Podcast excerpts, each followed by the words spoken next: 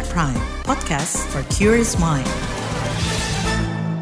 Halo saudara, senang sekali bisa menyapa Anda kembali melalui program KBR Sore edisi Jumat 1 Desember 2023.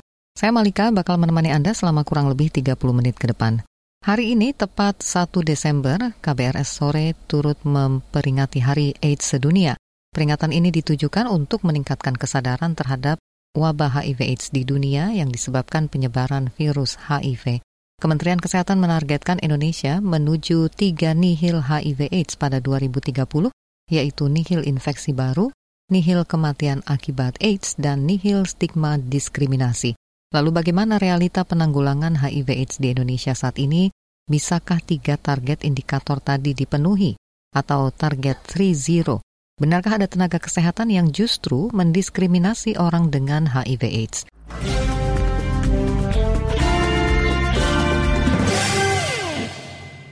Saudara, hingga September lalu total kasus HIV di Indonesia diperkirakan mencapai lebih dari 515 ribu orang dalam HIV atau ODHIV.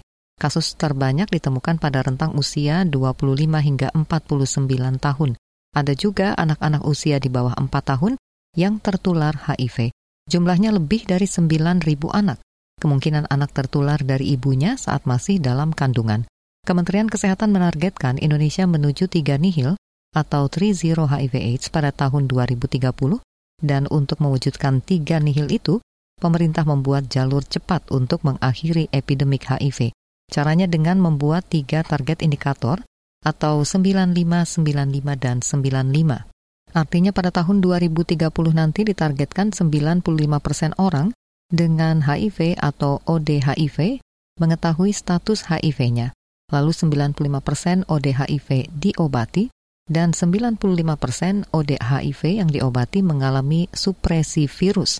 Direktur Pencegahan dan Pengendalian Penyakit Menular di Kementerian Kesehatan Imran Prambudi mengatakan, hingga kini orang dengan HIV atau ODHIV yang sudah mengetahui status HIV-nya baru 79 persen, atau sekitar 417 ribu orang.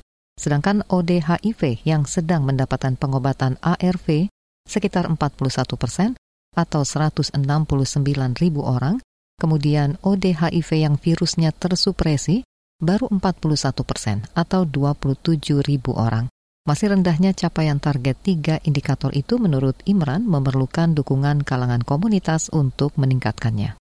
Gap yang paling besar itu adalah bagaimana untuk memasukkan para ODIF itu untuk mulai pengobatan. Ya, jadi ini hanya 40% dari ODIF yang sudah teridentifikasi. Kemudian yang besar berikutnya adalah ODIF yang sedang dalam pengobatan yang dites viral load-nya. Jadi tinggal 74.500. Padahal kita perlu mengetahui bagaimana dampak pengobatan terhadap mereka. Sehingga upaya-upaya yang perlu kita lakukan adalah yang utama adalah bagaimana memasukkan ODIF yang sudah diketahui statusnya ya, untuk segera mulai pengobatan. Dan yang kedua adalah bagaimana membuat mereka untuk terus termonitor viral load-nya. Dan dua upaya ini, eh, dua hal ini sangat memerlukan kolaborasi dari teman-teman komunitas. Karena eh, komunitaslah yang mungkin mempunyai akses yang lebih besar di dalam pendampingan ya, kepada ODIF.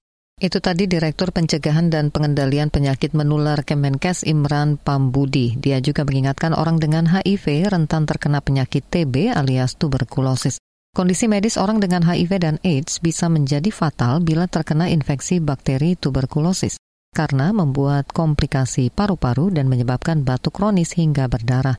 Sejak beberapa tahun terakhir, Kementerian Kesehatan pun semakin meningkatkan kolaborasi program antara HIV dengan tuberkulosis. Nah, di dalam uh, peraturan uh, rancangan peraturan pemerintah uh, yang menjelaskan atau turunan dari Undang-Undang Nomor 17 Tahun 2023 ini, kami secara khusus memasukkan bagaimana upaya untuk mencegah stigma itu di dalam PP tadi. Kemudian juga yang perlu kita gunakan juga adalah bahwa kita punya Perpres Nomor 67 ya tahun 2022 tentang pengendalian atau penanggulangan tuberkulosis ya, di mana di dalam perpres tersebut juga disampaikan tentang bagaimana kita bisa melakukan upaya-upaya untuk TB HIV. Jadi idenya adalah bagaimana kita bisa memanfaatkan perpres tadi itu, perpres, perpres tentang tuberkulosis itu agar kita bisa mempunyai payung hukum yang kuat ya di dalam melakukan upaya-upaya eh, eliminasi HIV ini tapi kita cantolkan di dalam tuberkulosis supaya kita juga tidak terlalu banyak instrumen hukumnya ya tetapi pelaksananya sudah kuat dengan adanya perpres tadi. Ketua Panel Ahli Pencegahan dan Pengendalian HIV AIDS dan PMS Kementerian Kesehatan Zubairi Jurban. Di sisi lain, Ketua Panel Ahli Pencegahan dan Pengendalian HIV AIDS dan PMS di Kementerian Kesehatan Zubairi Jurban mengatakan untuk memutus mata rantai penularan HIV, tindakan pengobatan harus disertai dengan kemudahan akses pemeriksaan. Bahkan Ikatan Dokter Indonesia, menurut Zubairi, sudah menyarankan agar ada hari khusus, yaitu Hari Tes HIV Nasional. Tes perlu dilengkapi sistem rujukan dan identitas semua orang yang diperiksa terjaga kerahasiaannya selain fokus di pencegahan kita juga fokus di pengobatan. Karena kan tadi minum obat tidak lagi menular. Minum obat tidak lagi sakit. Minum obat tidak lagi uh, membuat penularan dari ibu hamil dengan HIV ke bayinya. Jadi uh, fokus di pencegahan dan pengobatan itu menjadi uh, penting banget dan tingkatkan tes. Jadi uh, kalau boleh mengusulkan ada tes HIV nasional agar tes yang tahun-tahun lalu uh, berkurang banyak itu bisa ditingkatkan lagi. Dan tentu uh, stop stigma dan diskriminasi ini antisipasi lebih penting. Jangan sampai terjadi lagi ada anak sekolah dikeluarkan ada anak sekolah kemudian eh, pondokannya tidak boleh lagi. Kemudian kita perlu memudahkan akses eh, pengobatan dan juga diagnosis. Kemudian ya masalah itu makin serius dampak buruk eh, namun tes perlu ditingkatkan banget. Kemudian akses pengobatan ini menjadi utama sekali itu tadi Ketua Panel Ahli Pencegahan dan Pengendalian HIV AIDS dan PMS Kementerian Kesehatan, Zubairi Jurban. Saudara, di bagian berikutnya kami hadirkan laporan khas KBR mengenai upaya mencegah penularan HIV dari ibu ke anak. Nantikan sesaat lagi, tetaplah di KBR Sore.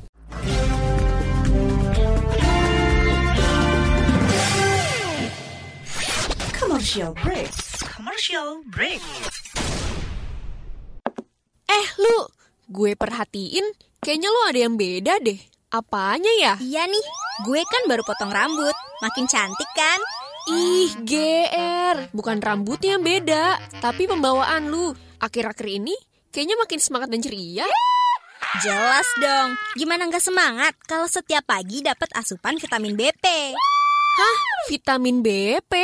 Apaan tuh? Itu loh, BP, buletin pagi. Bisa aja Lulu, bener banget. Buletin pagi asupan paling pas di pagi hari. Dapatkan berita-berita terhangat di pagi hari. Setiap Senin sampai Jumat pukul 6 pagi hanya di radio jaringan KBR di seluruh Indonesia.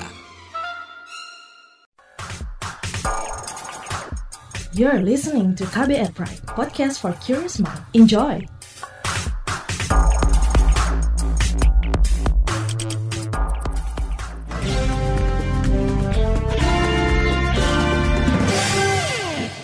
Saudara kasus HIV di Indonesia meningkat tahun ini, penularan kasus didominasi kelompok ibu rumah tangga yang mencapai 35 persen. Padahal ibu rumah tangga yang terinfeksi HIV beresiko tinggi menularkan virus kepada anaknya. Bagaimana upaya pemerintah menekan angka penularan HIV dari ibu ke anak? Simak laporan khas KBR di Susun Astri Yuwanasari. Kementerian Kesehatan Kemenkes menemukan 1,9 persen kasus HIV terjadi pada anak-anak. Direktur Pencegahan dan Pengendalian Penyakit Menular P2PM Imran Pambudi mengatakan, hal ini menunjukkan upaya pencegahan penularan HIV dari ibu ke anak masih perlu diperkuat. Dan ini menjadi salah satu tantangan terbesar dalam penanggulangan HIV AIDS di Indonesia kita bisa melihat di sini bahwa setiap tahun masih ditemukan saja anak-anak dengan HIV, anak-anak yang kurang dari empat tahun ya. Berarti ini upaya-upaya kita untuk bisa memutus mata rantai penularan ini juga masih perlu kita giatkan lagi. Karena kasihan anaknya kalau dia tidak dilakukan pencegahan ataupun upaya-upaya untuk memutus rantai penularan. Berdasarkan data Kemenkes, kasus HIV di Indonesia didominasi kelompok ibu rumah tangga. Angkanya mencapai 35 persen kasus HIV baru atau bertambah 5.100 kasus setiap tahun. Angka tersebut lebih tinggi dibanding kasus HIV pada kelompok lain, seperti suami pekerja seks dan kelompok LSL, lelaki seks lelaki. Juru bicara Kemenkes Muhammad Syahril menyebut faktornya antara lain karena pengetahuan akan pencegahan dan dampak penyakit yang rendah serta memiliki pasangan dengan perilaku seks berisiko. Data Kemenkes juga menyebutkan kasus HIV pada anak usia 1 sampai 14 tahun mencapai lebih dari 14.000 kasus.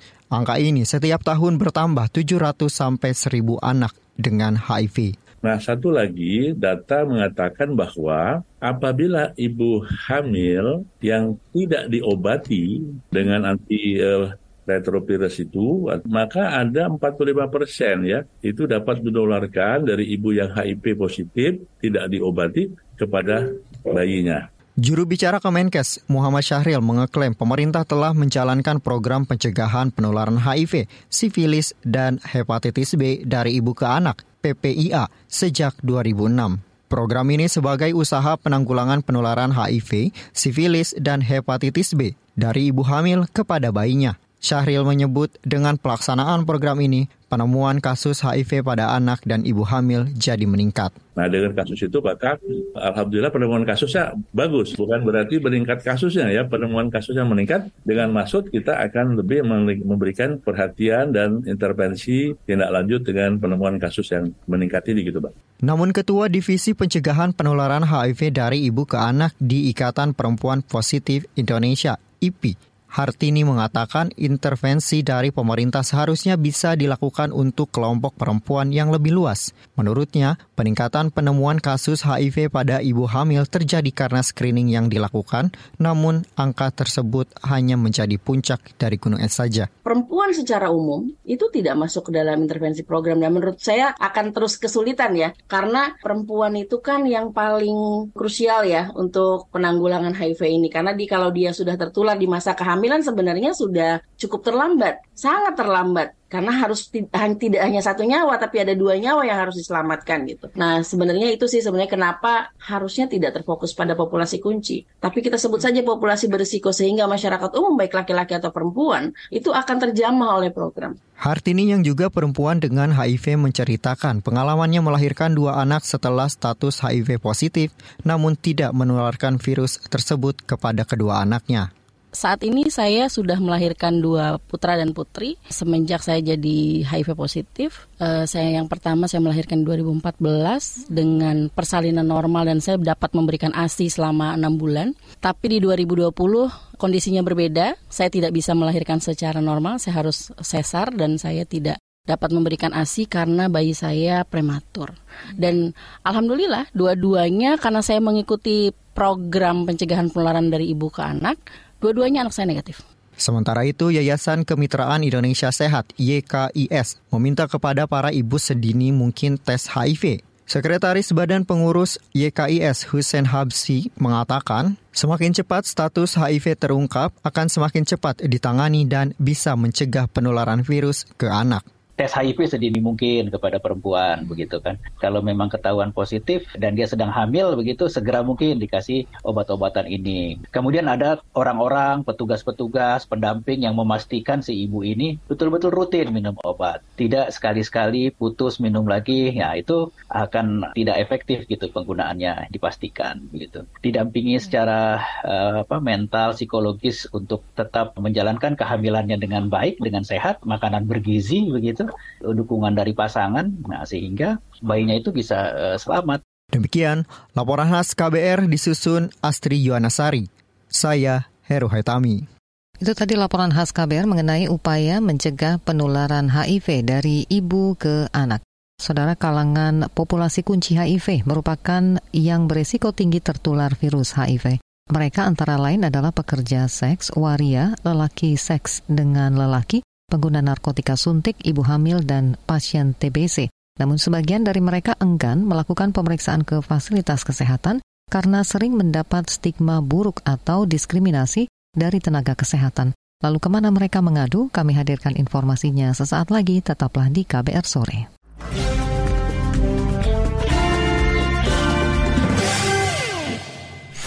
Commercial break.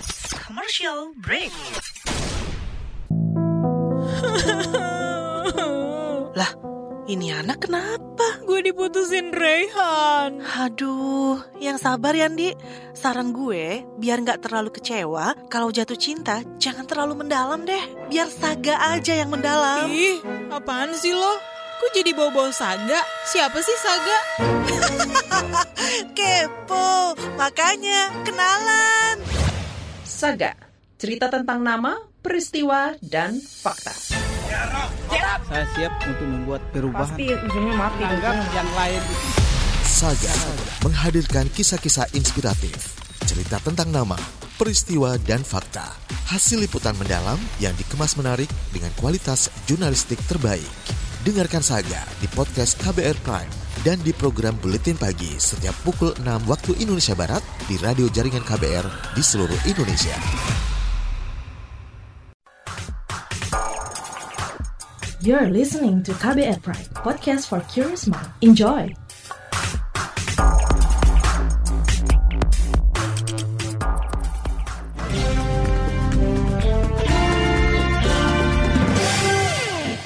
Kita lanjutkan kembali KBR sore. Saudara kalangan populasi kunci HIV masih kerap menghadapi diskriminasi dan ketidakprofesionalan dari sebagian tenaga kesehatan. Stigma negatif ini menjadi penyebab orang dengan HIV dan AIDS enggan atau bahkan sulit mendapatkan akses layanan kesehatan.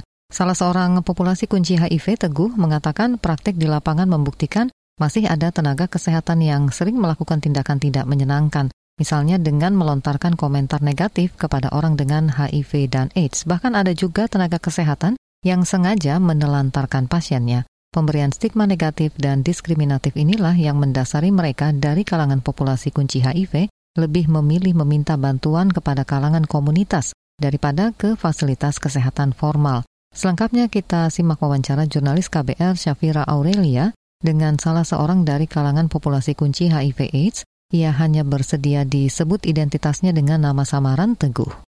Ini kan hari ini kan bertepatan dengan Hari AIDS sedunia ya karena kalau e, dari tanggapan kakak sendiri kak melihat dengan upaya pemerintah mengatasi HIV dan AIDS selama ini ini seperti apa catatannya? Kalau menurut saya sih pemerintah sudah melakukan banyak hal ya, tapi dasarnya itu belum tertentu gitu yaitu stigma terhadap komunitasku dan juga terhadap orang yang mengidap penyakit ini seperti itu. Aku sering banget, sering banget tuh mendengar cerita-cerita ya e, komunitasku itu mendapat perlakuan yang tidak profesional sih dari uh, petugas medis kayak gitu. Nah, itu yang mesti diselesaikan. Uh, dari uh, pengalaman uh, kakak atau dari cerita-cerita uh, seperti itu sebetulnya tindakan uh, diskriminasi nakes seperti apa aja kak yang sering uh, dijumpai?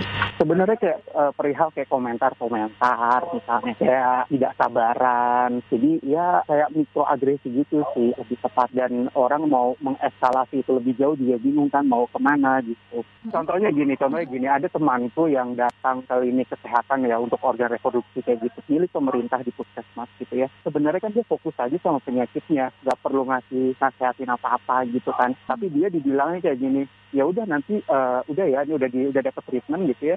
Dia bilang lain kali jangan berhubungan seks lagi ya, kayak gitu. Padahal sebagai makhluk seksual ya kami berhak untuk berhubungan seks. Yang penting kan konsensual. Ucapan-ucapan kayak gitu yang menganggap bahwa seksualitas itu ada tabu yang sebenarnya jadi apa ya stigma itu jadi nggak ter ter apa ya ter, terreduksi gitu ter terhapus kayak gitu. Dan sebenarnya petugas medis itu gak berhak untuk nyarani macam-macam sih. Intinya tuh petugas medis itu kan harus gitu di profesional kurangi komentar-komentar yang gak perlu dan fokus ke penyakitnya aja gitu. Aku punya aku punya teman yang dia itu harus kayak keliling uh, misalnya dia mau cek kesehatan organ reproduksi ya kesehatan seksualnya itu dia harus keliling uh, puskesmas puskesmas biar nggak ketemu petugas medisnya lagi gitu loh.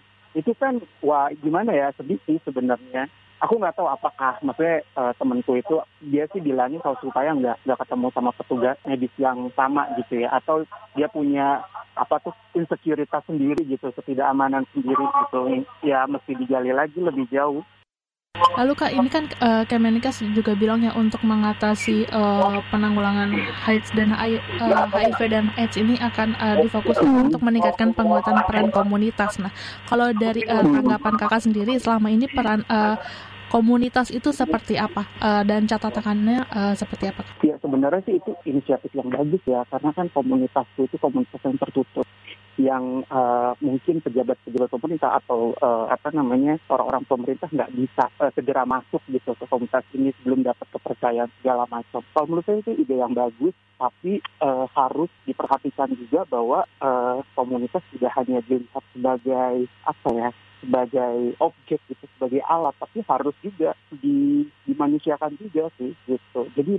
kayak misalnya ya, dimanusiakan itu artinya nggak perlulah disalah-salahin gitu loh nggak perlulah di cibir-cibir gitu loh. Ya harus harus terbuka gitu. Karena kan memang apa namanya komunitas kami juga kan warga negara ya yang sadar tidak sadar bayar pajak juga. Bagaimana uh, harapan atau dorongannya kepada uh, nakes atau upaya uh, lain dalam mengatasi penanggulangan AIDS dan uh, HIV ini? Ya aku sih berharap ya nakes itu inilah maksudnya pemerintah ya dinas kesehatan serius mengurangi stigma ini gitu ya dengan membekali nakes-nakesnya sikap profesional kayak gitu sih. Dan nggak perlu kebanyakan inilah nggak perlu kebanyakan komentar-komentar yang nggak perlu gitu maksudnya ya fokus aja ke penyakitnya gitu. Itu tadi salah seorang yang termasuk populasi kunci HIV, Teguh.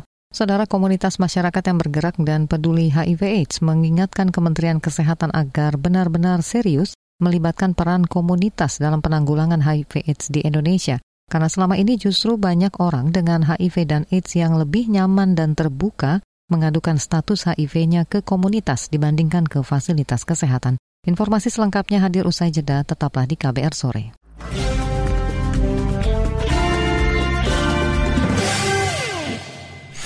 Commercial break. Commercial break. Buat kamu yang always hektik, apalagi di kantor yang toxic, working gak ending-ending, ditambah si bos yang grumpy, bikin salty. Apaan tuh artinya, Neng? Artinya si bos cerewet dan bikin bosen. Oh. Join yuk di KBR Pagi, siaran pagi radio paling update, menghadirkan berbagai informasi yang paling update dan terkini, ditambah playlist yang lit and chill. Apaan lagi ini artinya, Neng? Ih, rese. Artinya keren dan menyenangkan. Oh iya iya. Simak KBR Pagi setiap Senin sampai Jumat, mulai pukul 7 pagi, di radio jaringan KBR dan podcast kbrprime.id. You're listening to KBR Prime, podcast for curious mind. Enjoy!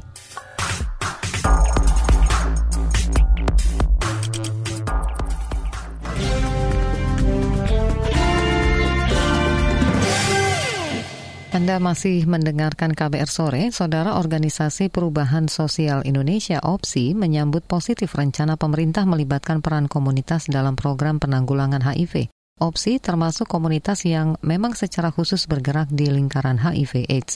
Meski begitu, OPSI berharap pelibatan peran komunitas tidak hanya basa-basi, apalagi sekedar jargon. Informasi selengkapnya kita simak wawancara jurnalis KBR Heru Hetami bersama Koordinator OPSI Nasional Rito Hermawan. Pada peringatan Hari AIDS sedunia tahun ini, pemerintah mengambil tema terkait dengan penguatan terhadap komunitas untuk menyasar populasi kunci dan juga kelompok berisiko tertular HIV. Bagaimana komunitas melihat apa yang dilakukan pemerintah pada Hari AIDS tahun ini? Tema yang sekarang ya ini sebetulnya memang mengembalikan titik peran pentingnya di mana untuk program uh, pemerintah tidak bisa akan mencapai program target nasional untuk 959595 kalau tidak melibatkan pemerintah. Uh, alasan uh, kenapa alasannya? Karena memang kelompok populasi kunci ini adalah kelompok kelompok rentan yang memang salah satu yang menjadi program sasarannya pemerintah. Makanya keterlibatan bermakna sebetulnya kalau kalau saya bisa nambahin untuk keterlibatan bermakna komunitas di dalam program HIV enggak cuma sebagai pelaksana atau sebagai objek biasanya kan kita hanya sebagai objek orang-orang yang dijangkau, orang-orang yang dites gitu ya. Namun memang saat ini pentingnya komunitas ini terlibat mulai dari perencanaan, penyusunan program, penyusunan anggaran gitu sampai di tingkat implementasi dan kebijakan dalam arti strategi advokasi juga yang dibuat oleh komunitas untuk menyampaikan beberapa rekomendasi terkait dengan kebijakan-kebijakan atau program-program yang selama ini memang belum bisa menjadi pemenuhannya hak-haknya komunitas. Jadi saya pikir komunitas sangat menyambut baik untuk hal ini karena memang saat ini nggak cuma di tingkat nasional tapi di tingkat global pun kita sedang melakukan yang namanya CLM gitu. CLM itu adalah Community Lead Monitoring di mana pemantauan yang dilakukan oleh komunitas terkait dengan akses layanan kesehatan gitu. Bagaimana teman-teman ini bisa melakukan pemantauan mulai dari apakah layanan ini sudah memiliki kualitas yang uh, cukup baik terutama untuk teman-teman komunitas bagaimana aksesnya, bagaimana penerimaannya dan sebagainya gitu. Jadi saya pikir ini sangat cukup baik. Sebetulnya apa kendala yang masih dihadapi oleh teman-teman komunitas? Masih ada satu kendala, kadang-kadang di tingkat nasional, di tingkat kementerian sudah bagus nih programnya. Namun uh, pada saat implementasinya, pada saat komunitas gitu melakukan uh, pemantauan atau meliding kegiatan atau program ini itu uh, di tingkat dinas kesehatannya itu biasanya masih banyak depend terutama di puskesmas atau di dinas kesehatan kota maupun provinsi. Masih dianggap bahwa kita bahwa yang apa yang kita lakukan itu adalah melakukan monitoring kerja kerjanya pemerintah. Padahal program community lead monitoring ini adalah bagaimana program ini bisa selaras atau sejalan dengan kebutuhan komunitas gitu. Jadi isu-isu yang terjadi di lapangan atau di grassroots atau di penerima manfaat tidak lagi menjadi gap gitu antara penerima manfaat dengan layanan kesehatan. Makanya perlunya adalah community lead monitoring oleh komunitas. Jadi kita tuh sebagainya penjembatan antara isu-isu yang terjadi di komunitas kepada layanan kesehatan, terutama di pemerintah untuk program HIV. Jika kita berbicara soal pelibatan komunitas, tentu saja kita berbicara juga soal penguatan konkret yang diberikan oleh pemerintah. Nah, apakah harapannya ketika pemerintah sudah melirik teman-teman komunitas? Ya itu tadi ya yang saya sampaikan nggak cuma sekedar jargon, tapi memang implementasinya juga ini harus bisa sejalan gitu. Bahwa teman-teman komunitas ini diberikan ruang gitu. Bahwa kami memang sebagai mitra yang setara gitu dengan pemerintah, bukan sebagai pihak-pihak yang memang berlawanan gitu dengan kebijakan pemerintah. Jadi sebetulnya kalau itu tadi kapasitas kapasitas yang dibutuhkan bagaimana leadership. Sebetulnya kalau kapasitas kita sudah sudah cukup ya teman-teman komunitas gitu ya. Terutama yang mereka di bawah jaringan atau di bawah organisasi. ya itu tadi koordinator organisasi perubahan sosial Indonesia opsi nasional Rito Hermawan. Perbincangan tadi menutup jumpa kita di KBR sore edisi Jumat 1 Desember 2023 Pantau selalu informasi terbaru melalui situs kbr.id, Twitter kami di akun @beritaKBR, serta podcast di alamat kbrprime.id. Saya Malika bersama tim yang bertugas undur diri. Salam.